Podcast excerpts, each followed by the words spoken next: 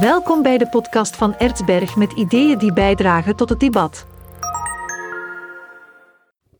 Welkom bij de Erzberg podcast, waar we deze keer diep in de dynamische en vaak complexe wereld van de Europese politiek en internationale betrekkingen duiken. Vandaag hebben we een bijzonder boeiende aflevering voor u in petto. We zijn vereerd om Mark de Vos, auteur van Grootmacht Europa en professor sociaal recht aan de UGent en medeoprichter van Denktank Itinera, te verwelkomen in onze studio. In Grootmacht Europa neemt de Vos ons mee op een fascinerende reis door de recente transformaties binnen de Europese Unie. Van een waardeunie naar een machtsunie, van een marktproject naar een staatsproject. De EU staat op een kruispunt van grote veranderingen en uitdagingen. In dit interview gaan we met Mark in gesprek over de drijfveer achter zijn boek, de implicaties van de veranderende landschappen van Europa en de toekomst van de EU. Welkom, meneer De Vos. Dank u, dag David. Ja, laten we maar eens beginnen. Europa, daar uh, wordt heel veel over gezegd en geschreven. Dan daar een boek over schrijven. Wat inspireerde u om dat te doen? De vaststelling dat heel weinig mensen beseffen dat Europa fundamenteel is getransformeerd door de opeenvolging van grote gebeurtenissen en crisissen die over ons zijn gerold uh, de laatste jaren. Um, de, heel het klimaatgebeuren, waar Europa een leidende rol heeft willen nemen wereldwijd, heeft ook de, de aard van Europa fundamenteel veranderd.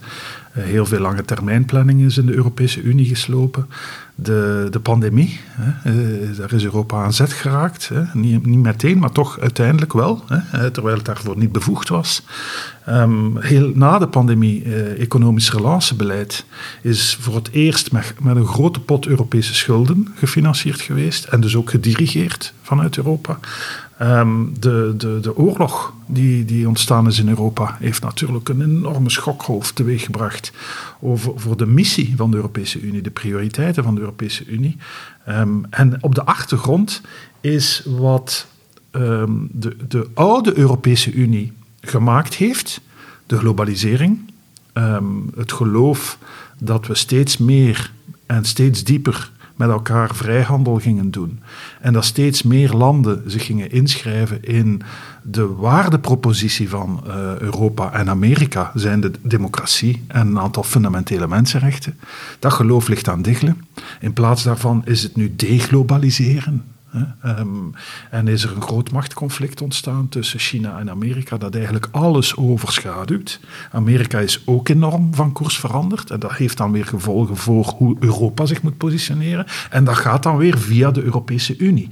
Um, alles wat migratie aanbetreft, ja, dat gaat via de Europese Unie.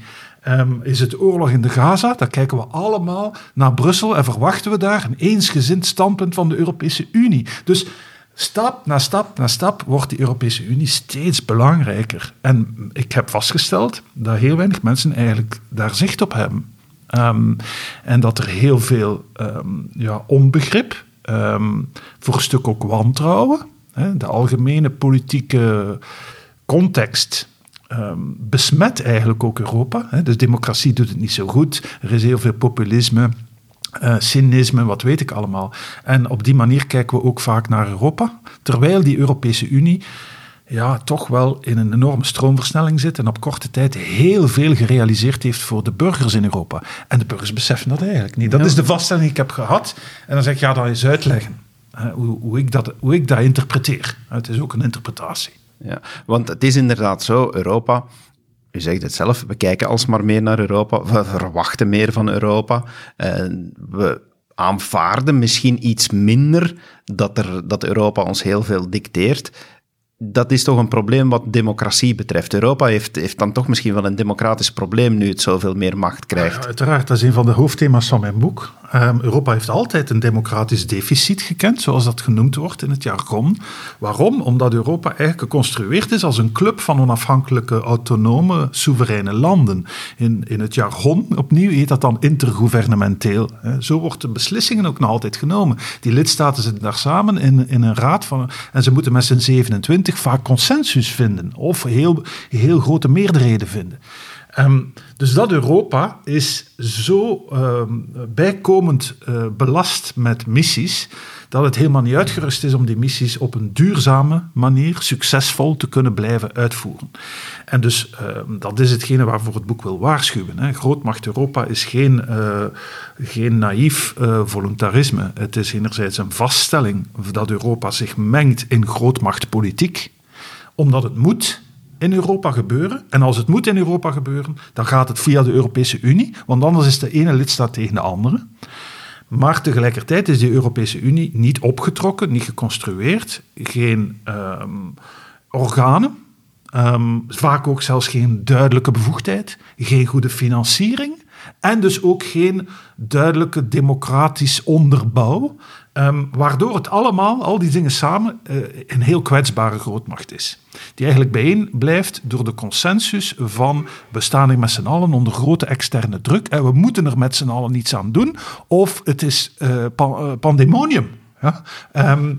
En dus die manier van werken in de Europese Unie, dat heeft duidelijk uh, zijn limieten. Hè? Uh, en als je nu al kijkt naar iemand als Orbán, die daar stoorzender speelt continu, ja, je kunt dat niet vermenigvuldigen met een aantal lidstaten, um, zonder dat um, de Europese Unie zichzelf vastrijdt. En dan koppel je daaraan de uh, uitbreiding met nogal wat landen, waaronder Oekraïne, dan weet je dat je niet zoveel tijd meer hebt om ook je eigen huis te hervormen. Daar komt het woord aan hervormen. Er is echt wel nood aan een grote hervorming binnen de Europese Unie. Absoluut, ja. En dus de, er is om te beginnen een dosis democratie nodig. Want dus de afstand tussen de burger en Europa creëert de ruimte voor populisme en scepticisme ten aanzien van de Europese Unie.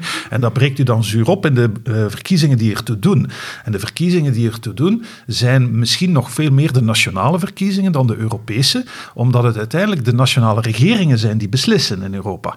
Um, en als je al in al een land als, als, uh, als Nederland kijkt en iemand als Wilders, hè, die, die, die, die ooit nog de, een exit van Nederland voorstelt, ja, dan weet je dat Europa heel kwetsbaar is. Uh, een Europa dat zich bezighoudt met massaal subsidies te geven aan lidstaten, wat het dus doet sedert enige tijd, um, is een Europa dat nationale regimes onderhoudt. En als die nationale regimes niet zeer pro-Europa zijn, dan heb je een Orbán-probleem. Orbán slaagt erin om het soortelijk gewicht van Hongarije heel goed uit te spelen en dus zijn return uit Europa te maximaliseren. En daarmee betoneert hij zijn politieke positie in Hongarije. Meloni is hetzelfde aan het doen. Italië krijgt 191 miljard geld. Dat hebben ze in tientallen jaren niet gezien om te kunnen investeren in Italië. Wie gaat daar de politieke vruchten van plukken? Dat is Meloni. Dus Europa is een bepaald soort politieke dynamiek aan het creëren. De Europese Unie binnen Europa die niet gezond is. Um, en dus je moet in eerste instantie iets doen aan hoe werkt dat democratisch. Um, ik ben daar niet voor een Big Bang. Ik geloof niet in grote constitutionele oefeningen. Ik, ik doe een boek een voorstel van een aantal stappen. Hè, van van uh, bijvoorbeeld gemeenschappelijke Europese verkiezingen met echt pan-Europese partijen. De Europese Commissie splitsen tussen de technocratische tak en de politieke tak. En die politieke tak veel kleiner maken, veel transparanter maken. Ik zou het Europees Parlement fors verkleinen, waardoor dat het veel zichtbaarder wordt. Um, je kan het, het verhaal uh, maken van financiering. Dus Europa is ondergefinancierd. Moet hij schulden beginnen maken om zijn taken uit te oefenen? Of moet ze delegeren aan de lidstaten, waardoor dat de lidstaten vrij spel krijgen? Dat is ook weer een politiek probleem binnen Europa. De lidstaten zijn allemaal op een of andere manier een subsidiewet lopen geraakt. Um, dat is ook niet goed voor de cohesie van Europa. Dat is ook iets waar het boek voor waarschuwt. Dus er moet op een of andere manier, op een coherente manier, meer funding naar via Europa verlopen. En daar pleit ik gewoon voor Europese belasting. Um, waardoor dat je een rechtstreeks lijn met Europese burgers maakt. En als je dat dan goed doet als uh, federaal land, dan kun je dat ook beginnen uitleggen. Echt individueel. Hè? Je hebt dit betaald en dat is er gebeurd met je geld. En dan heb je die, ja, die betrokkenheid van de burger die geleidelijk kan verbeteren. Want daar, dat is het uiteindelijk. Hè? Uh, het, de werking van de Europese Unie bevindt zich op zo'n hoog niveau van um, elitaire politiek. Um, en ik bedoel dat in, in niet noodzakelijk pejoratief hoor. Mm -hmm. um, dus politiek met de grote P. Um, die veel complexer is en veel technischer vaak is dan de politiek die wij nog op nationaal niveau voeren. Veel is gewoon weggezogen en ligt bij Europa. Um, waardoor het bijna natuurlijk technocratisch voor een belangrijk deel is en een afstand heeft ten aanzien van Wij allemaal, wij als burgers. Maar het is zo ondoorzichtig. En de mensen begrijpen het gewoon niet dat dat echt niet gezond is. En vermits dat Europa nu zoveel meer macht heeft gekregen, moeten we daar absoluut iets aan doen. Als we daar niets aan doen, zou bijna de Europese Unie een bedreiging voor democratie gaan worden. Als je dat, als je dat heel extreem zou maken. Hè. Maar dat is het eigenlijk gaandeweg toch wel. Hm? Het is een erosie van democratie, want uiteindelijk het vermogen van de individuele burger om via stemmen nog iets te beïnvloeden is wel geslonken in Europa. Hè. Dus daar moeten we echt iets aan doen.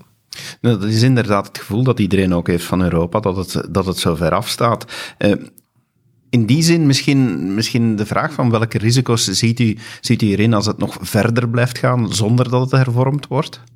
Het grootste risico is over, overload. Hè? Dat het zoveel. Een voorbeeld is bijvoorbeeld uh, de, het, klimaatbeleid in Europa. Europa heeft daar de vlucht vooruit genomen. Heeft gezegd: wij gaan als eerste land um, klimaat, eh, als eerste continent klimaatneutraal zijn. Uh, we gaan dat plannen tot 2050, met tussenstation 2030, voor een economie van 450 miljoen mensen. Allee, dat is al hubris op zich, op zich, om te zeggen, wij kunnen op, op 2050 binnen plannen. Planeconomie, op zijn Chinees. Ja? Maar je hebt dan China niet. Je kan dat niet gaan decreteren. Ja, dat is uw probleem. Hè? Dus daar zie je al, en we zien nu al, dat de Green Deal niet aan het lukken is. Dat wordt nu al erkend. En dus dat is een, een, een probleem van overschatting van wat het, de Europese Unie eigenlijk vermag. Um, en dus de, en de vaststelling dat wat Amerika heeft gedaan, het creëren van een soort context waarin private investeringen voor duurzame groei worden gesteund. Ja, dat zou eigenlijk veel beter passen bij de Europese Unie. Dan heb je heel die machinerie van planning, implementatie, controle, rapportering, wat weet ik allemaal, niet nodig. De vaststelling is dat dat beter werkt. En dat dat eigenlijk bovendien nog bedreigend is voor onze eigen industrie. We hebben dus met, met, met, de, met de manier waarop we met dat klimaatbeleid zijn, zijn omgegaan, hebben we op ons alle vlakken vastgereden. Dus dat is een, een voorbeeld van als de Europese Unie niet op een correcte manier kan functioneren, dat het niet gaat lukken. Um, een ander voorbeeld is eh, alles wat uh, in het boek als de, de, de missing piece, hè, het, het, het, het grote gat wordt gezien om een grootmacht te zijn. Dat is alles wat veiligheid defensie betreft. Hm. Een dus, Europees leger. Uh, Europees leger, wel, ik zou zeggen, laten we beginnen. Daar, ben ik, allee, daar, daar, daar moeten we het zelfs niet over hebben. Dat is niet aan de orde. Wat aan de orde is, is het Europees coördineren van de investeringen in defensie. Um, want nu is er een enorme wapenwetloop opnieuw bezig. Ja, het is oorlog in Europa, er is een nieuwe koude oorlog, dus de, de defensieuitgaven die gaan omhoog. We zijn nog maar begonnen met die, die 2% van die de NAVO-doelstelling is en dat gaat niet genoeg zijn. Um, en nu is dat, wat betekent dat? Ah, dat betekent ieder, iedere lidstaat spendeert belastinggeld aan zijn of haar uh, favoriet uh, eigen defensiebedrijf. En zo krijg je dus een mozaïekje uh, in, in een continent dat, allemaal tezamen evenveel in, in defensie investeert als China. Dus eigenlijk de nummer twee samen met China ter wereld in defensieuitgaven is. Dus het strategisch coördineren van dat verhaal, dat zou echt heel. En dat is heel dringend.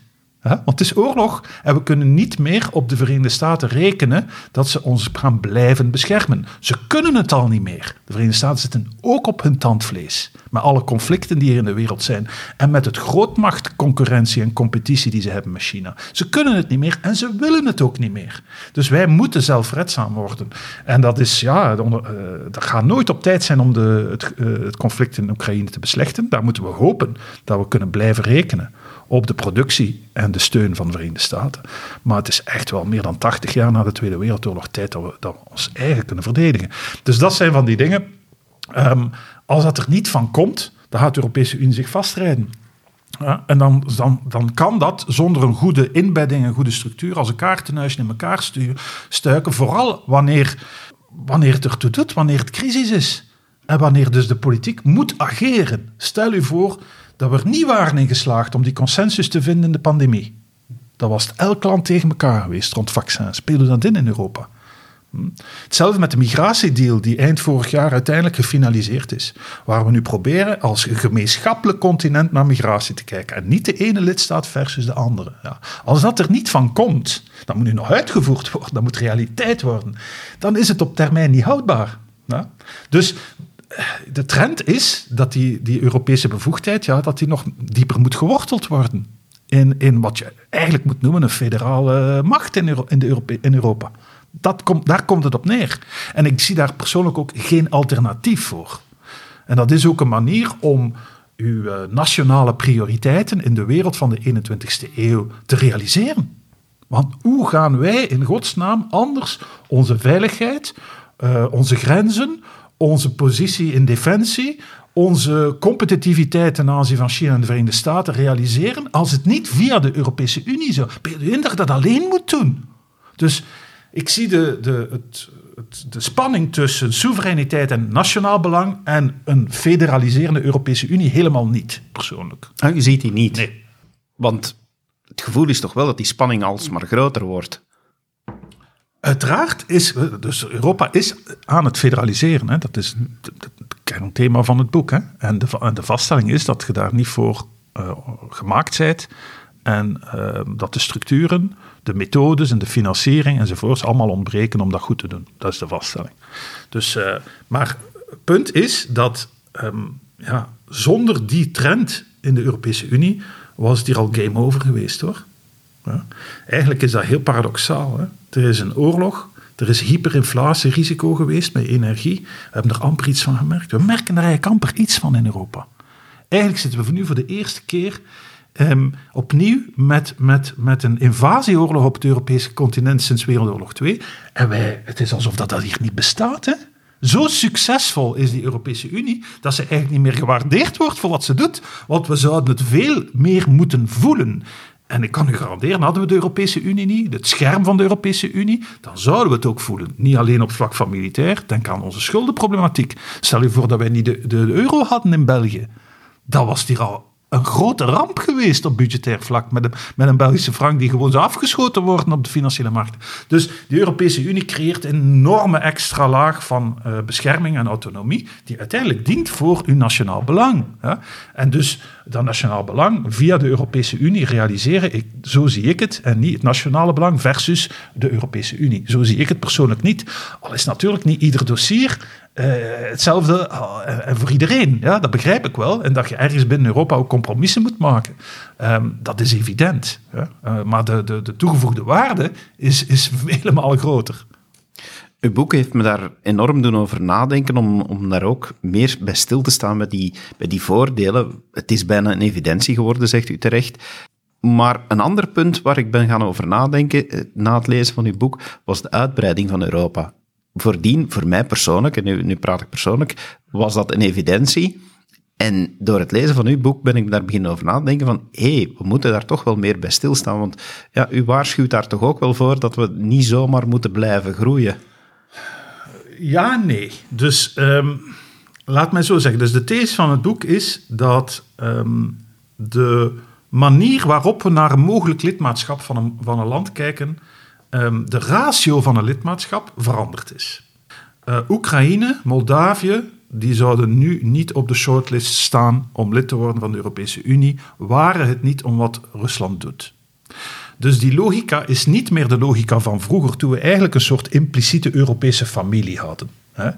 Uh, eigenlijk was dat het idee van we hebben een gemeenschappelijke geschiedenis, gemeenschappelijke waarden en voor de rest is toch globalisering. Dus iedereen doet vrijhandel en democratie. Dus we moeten ons eigenlijk niet gaan afvragen tot hoe ver dat, kan reiken. Dat moeten we ons eigenlijk niet vragen. Dat is ook de reden waarom we dat met Turkije zijn beginnen praten op een bepaald moment. Hè? Um, en dus nu is dat helemaal anders. Nu is de, uh, de vraag van horen die landen erbij of niet een vraag van wat ik noem in het boek geostrategie van geografisch strategische positionering van de Europa op het continent. We zijn maar het, het stulpje van een groot Euro-Aziatisch continent. Hoe ver willen wij richting Azië? Hm? Dat is de vraag. We zijn al enorm naar het oosten opgeschoven met de uitbreidingen van het verleden. En nu, wat er nu voor, uh, op tafel ligt, is wat ik dus noem het begin van een soort Euro-Aziatische groep. Hm? Um, ik vind dat dat een must is wat betreft de laag van veiligheid, grenzen en defensie. En dus ik zou het Europese lidmaatschap ook in lagen maken. Die laag, daar kun je zeggen, daar kunnen we verder richting het oosten gaan en daar horen die landen erbij. Hm? En dan op die manier zijn we dan ook veel krachtiger. En dan wordt ook de positie van Turkije helemaal anders hoor. Want dan, dan zal Turkije waarschijnlijk niet willen, niet willen aansluiten. Want dan moeten die hun Ottomaanse politiek opgeven. Dus de logica wordt helemaal anders. Turkije wou aansluiten omwille van rijkdom. En niet omwille van strategie, veiligheid, defensie. Dus die laag, daar past het als voor mij als een absolute no-brainer. Wij moeten een footprint hebben op dat continent dat dus ons ver genoeg brengt, zodanig dat wij onze eigen veiligheidspositie kunnen afdwingen. Met harde macht. Met harde macht. Ook wat betreft immigratie, waar we het aan de buitengrenzen willen realiseren. Maar dan heb je andere lagen in het lidmaatschap. Het economische. Maar alles wat daarbij hoort, dat is de markt en het klimaat en wat weet ik allemaal. Dat is stap 2 voor mij. En ik zou uit die stap het vrij verkeer van werknemers, van mensen, wegnemen. Dat is de fameuze issue met interne Europese migratie. Dat zou ik daaruit halen en ik zou dat plaatsen in de laatste fase van het lidmaatschap, waar al het personeel samenkomt. Dus ook de beweging van mensen, mensenrechten, democratie en wat weet ik allemaal. En dus als je het zo bekijkt, dan word je dus een beetje cynischer in je lidmaatschap, want dan zeg je, we gaan sommige mensen tot de Europese Unie rekenen, waar we eigenlijk niet noodzakelijk op vlak van waarden en zo graag mee door één deur gaan. dat is dus veel meer realpolitiek in uw mhm. lidmaatschap. Ehm, en dat is eigenlijk al begonnen. Heel weinig mensen weten dat. Uh, dat is een van die vaststellingen van die afstand tussen de Europese Unie en de burger. Dat er in 2022 een Europese politieke gemeenschap is gemaakt. die juist al die landen hè, uh, erbij neemt. En Euro-Aziatisch is. Zelfs Azerbeidzjan, Georgië en zo zit daarin. Met die finaliteit, alleen die finaliteit. Gemeenschappelijke veiligheidsbelangen. Dus het begin daarvan is er al. Um, maar dus als je, als je verder gaat naar, naar uh, boven, dan word je wel weer selectiever en wordt het eigenlijk de, de, kern van hoe we klassiek naar het lidmaatschap van de Europese Unie keken. Hm? En dan, dan, kun je wel heel kieskeurig zijn. Meer kieskeurig dan vroeger misschien. Misschien zijn er sommige lidstaten van vandaag die niet alles zullen willen. Want de Europese Unie moet dus doorgroeien. Hè? Dus je moet meer met meerderheden beslissen in plaats van unaniem. Je moet meer rechtstreeks financieren, waardoor dat je minder met subsidies gaat werken en dus minder politieke nationale controle overhoudt. Hè? Niet iedereen gaat dat misschien willen. Dat is dan goed, hè? Dan werkt dat beter. Mhm. En dus die flexibiliteit in dat lidmaatschap hebben we echt nodig. Want anders gaat de Europese Unie haar uh, geografische prioriteit, want dat is nu prioriteit nummer één voor de Europese Unie: geografie is nu de prioriteit nummer één. Nooit kunnen realiseren. Als we, dat, als we, die, als we met dezelfde configuratie van lidmaatschap die landen die nu in de wachtlijst, eh, op de wachtlijst staan erbij nemen en, en intern verandert er niks, dan is Europa eigenlijk eh, onbestuurbaar.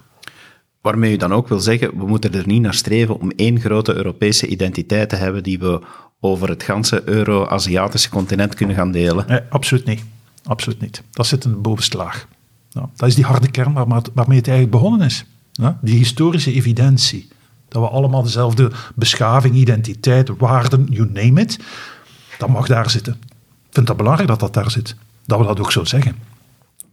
En ja, moeten we dan zeggen van oké, we moeten wel die richting uitgaan, want met de veranderingen op, uh, op de globale wereld, uh, met al die wereldmachten die ontstaan, uh, China die toch weer verandert van positie, de houding van Amerika daartegenover, maar ook de opkomst van andere landen, zoals India bijvoorbeeld, moeten we wel die richting uitgaan? of is er een alternatief? Denkt u van oké, ik zie hier een manier, maar eigenlijk zijn er ook alternatieven? Uh, voor zover dat ik in de toekomst kan kijken, zonder te vervallen in allerlei grote hypotheses, zie ik geen alternatief. In die zin dat we weten dat er opnieuw een periode is waar verschillende grote machtsblokken zich ontwikkelen, regionale machtsblokken. Um, dat die allemaal op hun manier streven naar een graad van strategische autonomie. Um, en dat we dus niet meer de geest van de globalisering hebben, waarbij we zeggen van eigenlijk delen we allemaal dezelfde basisbeginselen. Ja, dus hoe meer dat we met elkaar integreren, economisch en verweven uh, geraken, uh, met handel en wat weet ik allemaal, en met migratie, hoe beter. Ja, nu is het het omgekeerde, nu is die verwevenheid een risico. En willen we opnieuw eigen controle. Dus dat is iets dat gaat niet op korte termijn veranderen. En dus hetgeen wat daar zou moeten gebeuren om dat te veranderen, is dat Rusland, dat Poetin uh, en, en, en het regime en de spirit die, achter daar, die, die, die daarachter zit, dat dat weggaat. En dat Rusland een normaal, quote-unquote, democratisch land wordt. Dan zou China dezelfde eh, kant moeten opgaan. Dan zou Amerika, die eigenlijk vertrokken is in een soort normalisering van zijn positie wereldwijd. We moeten dat goed beseffen. Wij kijken, en, en wij, dan zeg ik iedereen die leeft, kijkt naar Amerika als soort de mondiale hegemon, die, die, die overal tussenkomt en die eigenlijk aan, aan de goede kant staat. Ehm, en dus ook voor ons van alles doet. Maar dat is eigenlijk een positie die Amerika pas sinds, sinds het einde van de Tweede Wereldoorlog heeft opgenomen. Eigenlijk uh, te beginnen met Eisenhower. Um, en dat is al een tijdje eigenlijk in, in, op de terugweg. Uh, en dus Amerika is um, onder Trump protectionistisch geworden, onder Biden nationalistisch. En dat gaat niet snel keren. Want Amerika, de prioriteit, dat land is totaal verdeeld, maar over één zaak zijn ze het eens. Ze willen wel nummer één blijven. En dat kan alleen maar door zich autonoom te maken ten aanzien van China. Dus dat gaat niet op korte termijn gebeuren. En het risico is zelfs dat Amerika bij de volgende verkiezing van nationalisme naar isolationisme schuift. Dat is niet ondenkbaar, moest meneer Trump herverkozen worden. Dus we moeten daar niet, meer, niet, niet, niet op rekenen dat er, dat er een alternatief is op korte termijn. En we moeten dus echt kunnen uitgaan van de eigen sterkte. En dan zullen we wel zien hè, wat er dan gebeurt binnen een paar decennia. Nog een vraag over uw boek. Is dit nu enkel bedoeld voor diegenen die bezig zijn met Europa en die daar meer willen voor weten? Of hebt u dit boek geschreven met, in de hoop, met de bedoeling, ik weet niet, ik kan kiezen tussen die woorden, dat iedereen het zou lezen en er meer mee bezig zou zijn? De hoop en de bedoeling is inderdaad zeker het tweede. Um, en het is ook een oproep om in de nationale politiek veel proactiever en strategischer te zijn ten aanzien van Europa. We laten dan na. En dat is veel belangrijker geworden dan vroeger, omdat het spel van concurrentie tussen landen zich echt speelt. Hè? Uh, binnen Europa. Waar gaan de investeringen naartoe? Uh, Duitsland die kan wel 900 miljoen op tafel leggen voor, uh, voor de, de Noordvolt-investering in, elektrische, in batterijen voor elektrische voertuigen. En Europa keurt dat goed, hè? 900 miljoen Europese steun. Waarom? Omdat de Noordvolt anders de, voor de Amerikaanse subsidies zou gekozen hebben. Maar is er een land dat in staat is om 900 miljoen op tafel te leggen anders dan Duitsland? Ah, dus dat is bezig in Europa. Dus wij moeten ons veel meer bezighouden met Europa, omdat Europa zich veel meer bezighoudt met ons. En dus dat is de oproep. En dan hopelijk uh, willen mensen een beetje geïnformeerd worden van hoe moeten ze daar naar kijken. En dus iedereen die dan een beetje belangstelling heeft om eigenlijk dat nieuwe Europa echt te begrijpen. En daar zitten veel positieve, maar ook negatieve kanten aan. Hopelijk uh, kan in dat boek een soort aanzet vinden en ook een beetje een, een, een soort mindmap om te zeggen hoe moet ik daar eigenlijk naar kijken. Um, maar ook de mensen die professioneel met de Europese Unie bezig zijn. Dat is een van de dingen die mij verrast heeft. Zowel in de voorbereiding van het boek, waar ik met veel mensen ook een keer heb laten reageren op bepaalde dingen die ik schreef, is hoe weinig mensen eigenlijk boven de melee van de dag. Hè. Dus het gaat zo snel. De, die toppen vormen elkaar op. Er worden drastische beslissingen genomen aan een gigantisch tempo. Europa is nog nooit zo snel vooruit gegaan en veranderd als, als de laatste jaren. Dat eigenlijk nog heel weinig mensen met afstand de meeste mensen die over de Europese Unie uh, schrijven um, en opiniëren, zijn mensen die professioneel in de Europese Unie op een of andere manier zitten. Ik heb daarvoor een stukje, ik ben al heel mijn uh, actief uh, loopbaan bezig met, met materies van de Europese Unie. Maar ik heb ook wel de, de, het, het, vermogen en de luxe om daar met een afstand naar te kijken. En ik stel vast dat als je dan de spiegel voorhoudt aan de insiders, dat die ook wel een keer schrikken van het beeld dat ze dan in die spiegel zien. Dus het is een beetje voor iedereen, laat me zo zeggen. Dat is ook goed voor Erzberg, denk ik. Inderdaad, en ik kan alleen maar getuigen uh, dat het, uh, wanneer ik het las, dat ik echt het gevoel had van oké, hier kan ik mee volgen. Uh, dit, is, dit is geen dikke turf die me helemaal onderdompelt en mij pijn doet. het is zeer aangenaam om te lezen, dus ik denk dat we daar mooi mee kunnen afsluiten. Meneer De Vos, hartelijk dank dat u naar hier bent gekomen. Heel graag gedaan. En u, beste luisteraar, indien u het boek nog niet gelezen hebt, zeker doen. Eh, zeker in het licht van 2024, waar Europa toch weer een belangrijke evolutie zal maken. Het is heel goed om te weten wat er allemaal gebeurt en om er zelf over na te denken. Heel graag tot de volgende keer.